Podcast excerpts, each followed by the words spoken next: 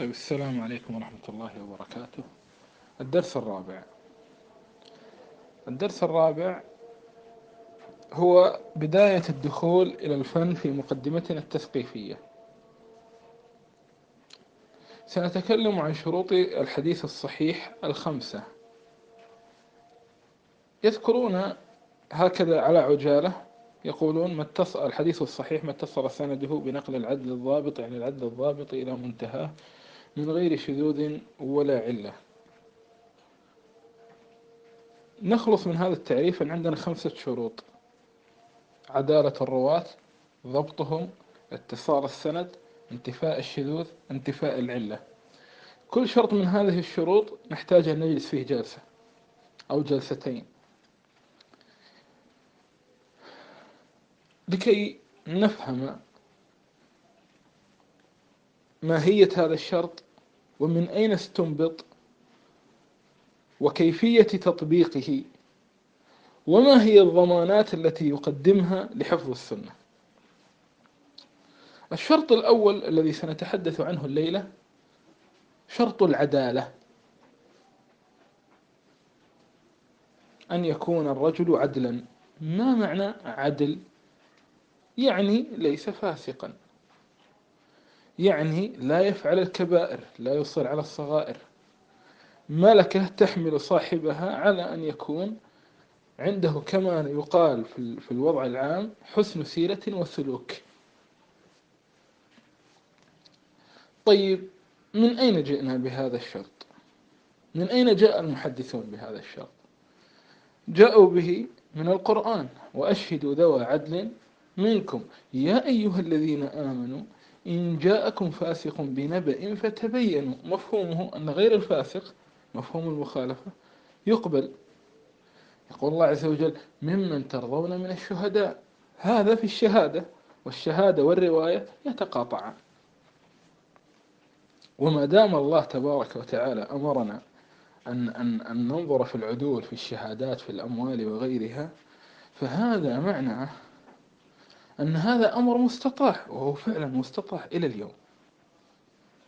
طيب. لفتة يسيرة. نحن استدللنا بآيات الشهادة وإن كانت الشهادة تختلف عن الرواية. في عموم الشهادات يشترط اثنين. في عموم الشهادات يشترط اثنان.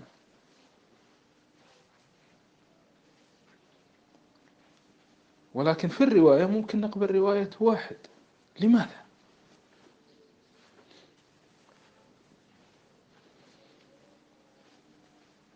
الشهادة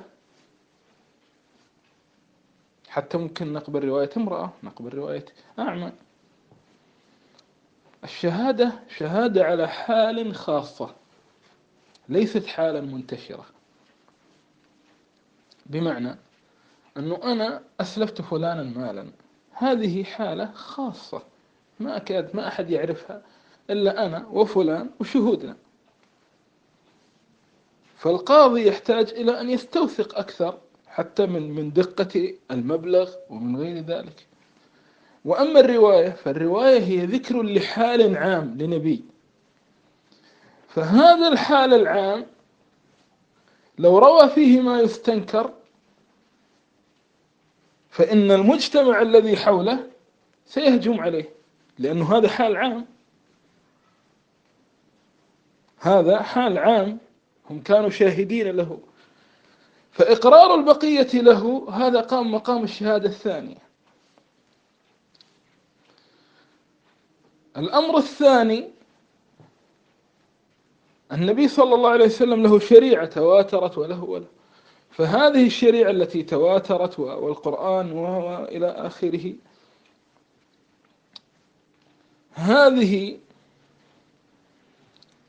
أيضا تعمل عاضدا الأمر الثالث أن هذا الراوي أصلا مر باختبارات شديدة. الأمر الرابع أن هذه الشهادة في مقابل معارض. يعني الآن البينة على من ادعى واليمين على من أنكر. أنا جئت وقلت أنا لي عند فلان مال. هذه معارضة رقم واحد. عرضني صاحب المال قال لا ليس لك. جئت بشاهد واحد. صاحب المال الثاني حلف. أنا حلفت. قلت والله لي عنده مال وشاهده هذا غير صادق. نحتاج إلى شاهد ثاني حتى يرجح الكفة. أما الرواية التي يقبلها الأئمة واحدة هي رواية لا يكون لها معارض وأمر الشهادات يتعلق ليس فقط في عدالة هؤلاء أو بل يتعلق أيضا بمعرفة القاضي بأحوال هؤلاء الناس. مثلا القاضي في العادة لا يكون حاضرا في مجتمع نسائي. هذا قاضي. فلهذا هو يحتاج لامرأتين حتى يستطيع أن يعني وتعامل النساء بالمال قليل حتى يتأكد من وقوع الحكم بشكل جيد أو ضبط الأمر. مثل أيضا بارك الله فيك هذا استطراد يسير. هذا آه، مثلا الزنا ليش أربعة؟ لأن الزنا في العادة يفعل في حال استتار. الزنا في العادة يفعل في حال استتار. ف... فالشهود الأربعة لكي نتأكد من هوية الزانيين فقد يكون فلان هذا الذي نظ... مثلا إنسان قد أظن أن هذا فلان ويصدقني صاحبي ويكون في النهاية أخوه الذي يشبهه أو ابن عمه الذي يشبهه أو ابنة عمه التي تشبهها. فلا بد من أربعة حتى نتأكد من دقة الحكم. فهذا فاصل يسير فقط. نتعرض ولكن الشهادة والرواية تجتمع في معنى أننا نريد العدالة. هذا أمر لا يتخلف. نريد أن يكون ولهذا مثلا في الشهادات في بعض الشهادات تقبل شهادة واحد أو واحدة مثل الرضاع وغيره لأن هذه هي أحوال خفية أصلا. لأن هذه أحوال يعني لا يمكن إلا لا يمكن فيها إلا الاعتماد على شهادة واحد. طيب. فالآن الله يبارك فيكم.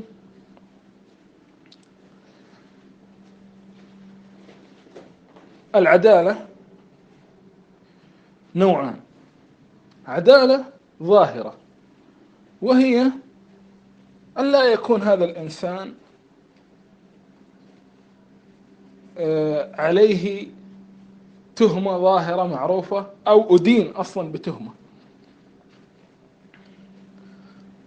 كما روي عن عمر قال الناس عدول على بعضهم المسلمون عدول على بعضهم إلا مجلود في حد أو ظنين هذا اسمه العدالة الظاهرة. وهناك نوع آخر اسمه العدالة الباطنة التي تستفاد من مراقبة أدق أحوال الإنسان.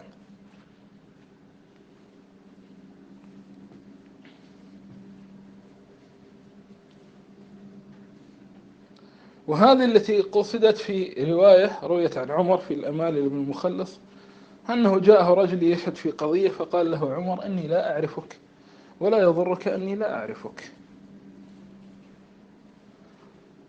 ولكن هل تعرف هذا الشاهد؟ يعني جاي هو يزكي شاهدا. فقال له نعم أعرفه. قال هل أنت جاره؟ قال لا. قال هل شاركته بمال قال لا. قال هل سافرت معه؟ قال لا. قال إذا لا تعرفه. لهذا المحدثون عفوا هذا إذا ذهبوا يسمعون من رجل فإنهم يسألون عنه حتى يقول لهم الناس تريدون أن تزوجوه. ولاحظوا أن هذا الأمر الآن نحتاج إليه نحن في أي أين؟ نحتاج إليه في طبقة التابعين وأتباع التابعين. أما في الصحابة فالأمر أهون. لماذا؟ لأنه هؤلاء زكوا في القرآن وذكرنا أدلة عدالتهم طيب فأن سأل سائل قال هل هل يوجد عندك أمثلة على أناس جرحهم الأئمة بالعدالة؟ أم هذا مجرد تنظير تنظرونه؟ في الواقع عندي أمثلة كثيرة. من أهم ما يجرح به الناس الكذب. والكذب نوعان. كذب التدين. الذي يفعله بعض أهل البدع كالخطابية والكرامية. لا يكذبون في حديث رسول الله ويستحلون ذلك. ويقولون نحن نكذب له. لا نكذب عليه. لأن في حديث من كذب علي متعمدا فليتبوأ مقعده من النار. وهذا باطل. لأنهم يجعلون دين الله مفتقرا إليهم. وهذا من أبطل الباطل. ولهذا كان هناك رجل اسمه فضل بن فضالة فيما أظن أو حاجة بن فضالة ذكره ابن حبان في المجروحين وقال لو حابينا أحدا لحابينا هذا الرجل لأنه كان يضع الأحاديث في السنة يعني يخترع أحاديث يؤلفها في نصرة عقيدة أهل السنة. مثلا والله الرافضة شوي شدوا في عثمان يروح يجيب أحاديث في فضل عثمان ويخترعها. وهذا يدل حقيقة على إنصاف أهل السنة الشديد.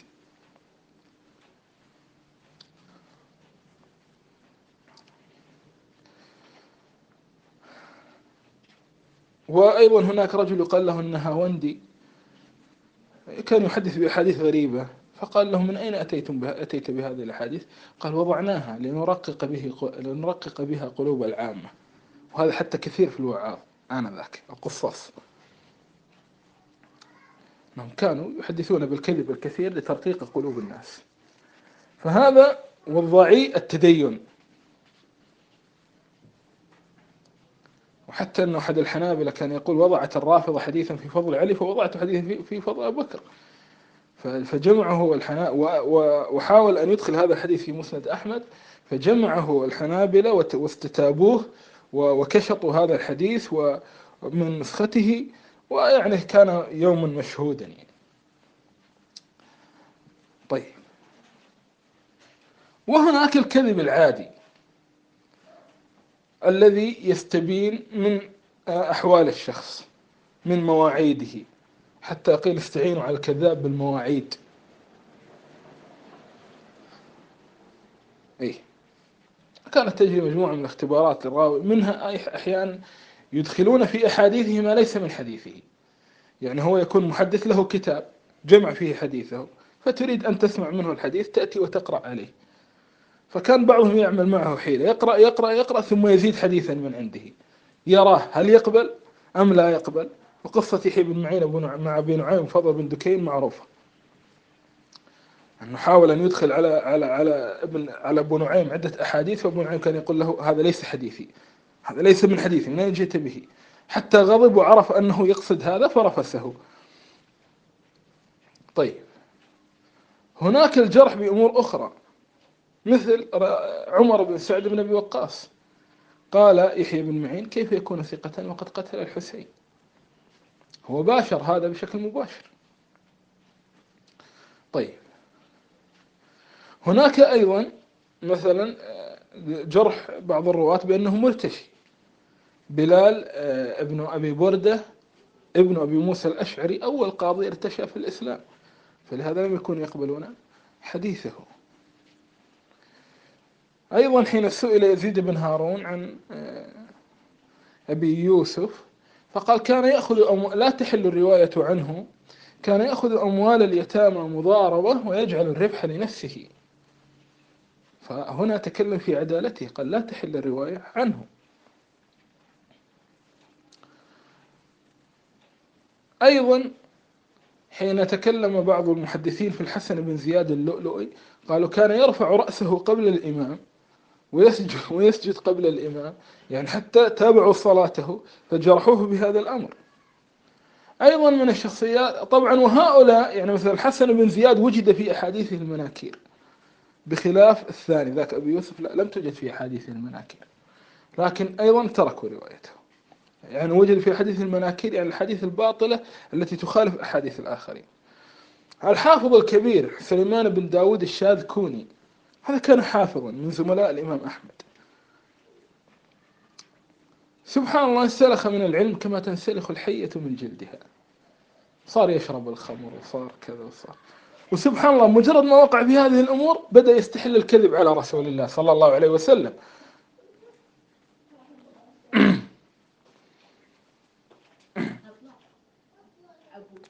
صوت.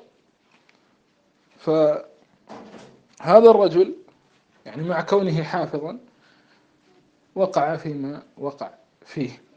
فلهذا لم يعودوا يعتدون بحديثه ولا روايته. طبعا ومن الفضول أن نقول لك أن عامة الخلفاء بعد الصحابة لم يكن أحد يروي عنهم إلا عمر بن عبد العزيز. أما بقية الخلفاء ما كان المحدثين يعتدون بالرواية عنهم نهائيا. علما أن كان فيهم من هو عادل وفيهم من هو ليسوا كلهم يعني ليس كلهم على مستوى واحد من الظلم ولكن حقيقة يعني لم يكونوا آه، أهلا لحمل العلم. طيب. هذا الشرط الأولي الذي هو العدالة. طيب راوي عدل ما شاء الله ونعرفه من سيرته مصلي صائم حدث عن رسول الله صلى الله عليه وسلم حديثا يقبل لا هناك أربع شروط أخرى. هناك أربع شروط أخرى آه، سنتحدث عنها لاحقا. طيب تنبيه في قصة العدالة. هذه.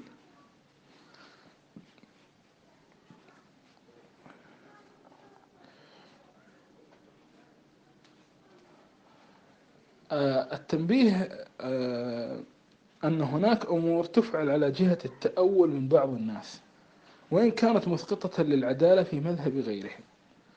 على سبيل المثال موضوع النبيذ. إيش يعني النبيذ؟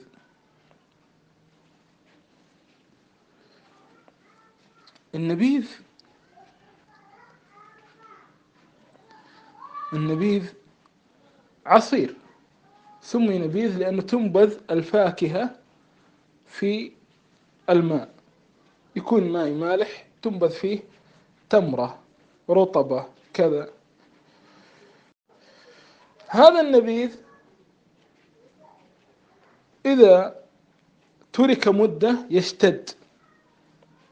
أو إذا وضع في إناء معين يشتد. أو إذا خلطت فواكه مع بعضها يشتد. يعني إيش يشتد؟ يعني يصير كثيره مسكرا وقليله ليس كذلك. يصير كثيره مسكرا وقليله ليس كذلك.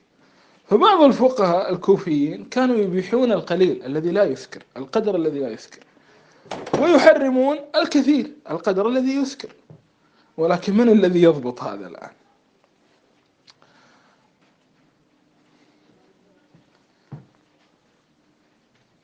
فبقية الأمصار بقية علماء الأمصار كانوا يسمون هذا مسكر باعتبار أنه إذا كثر أو في حد معين. بعض الكوفيين كان يشربه تأولا. كان يشرب بالقدر الذي لا يسكر يعني يتحرى أن يكون هناك قليل فالكوفي لا يجرح بهذا حتى في زمن قبل انتشار السنن لا يجرح لأنه سائر على الفتوى السائدة في بلده وهو متحري لمثل هذا الأمر فإذا وجدت مدنيا مثلا يقول في كوفي وترى أنه عدل وعابد. و... ولكن تجد المدني يقول كان يشرب المسكر وكان يشرب مسكر على طريقة أهل بلده. لهذا حتى سفيان الثوري إمام الكوفيين كان مدة يشرب هذا النبيذ ولكن يشربه في الحد الذي لا يسكر. معروف سفيان الثوري عابد زاهد.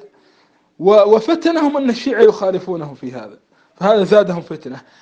حتى التقى بالإمام مالك والإمام مالك وجه له نصيحة وأظهر له الأدلة. فقال مالك فارقني سفيان على ألا يشرب النبيذ.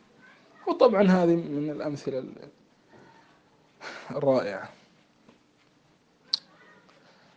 فهناك أمور يكون فيها درجة عالية من التأويل. وإن كانت مسألة والتأويل ليس دائما سائغا وليس دائما غير سائغ. ففي زمن معين يكون أمر لا يجرح به الإنسان لأنه ليس ظاهرا. ولكن في زمن معين لا يكون هذا الأمر ظاهر. مثل إنكار سنة معينة مثل وهذا بحث طويل. إن شاء الله نعرض له إذا تكلمنا على قصة الرواية عن أهل الأهواء والبدع. لكن الخلاصة هنا الكلام على باب العدالة. ومختصر باب العدالة أن الإنسان الصائل لدينه بحيث لم تصدر منه أي زلة ظاهرة تدل على فسق. هو أولى والذي رب العالمين تبارك وتعالى جوز قبول شهادته في أمور الشهادات أنه لن يترك يعني لن يكون آه، متحريا في أمر الناس لم يكشف في أي فسق ثم يأتي على رسول الله صلى الله عليه وسلم.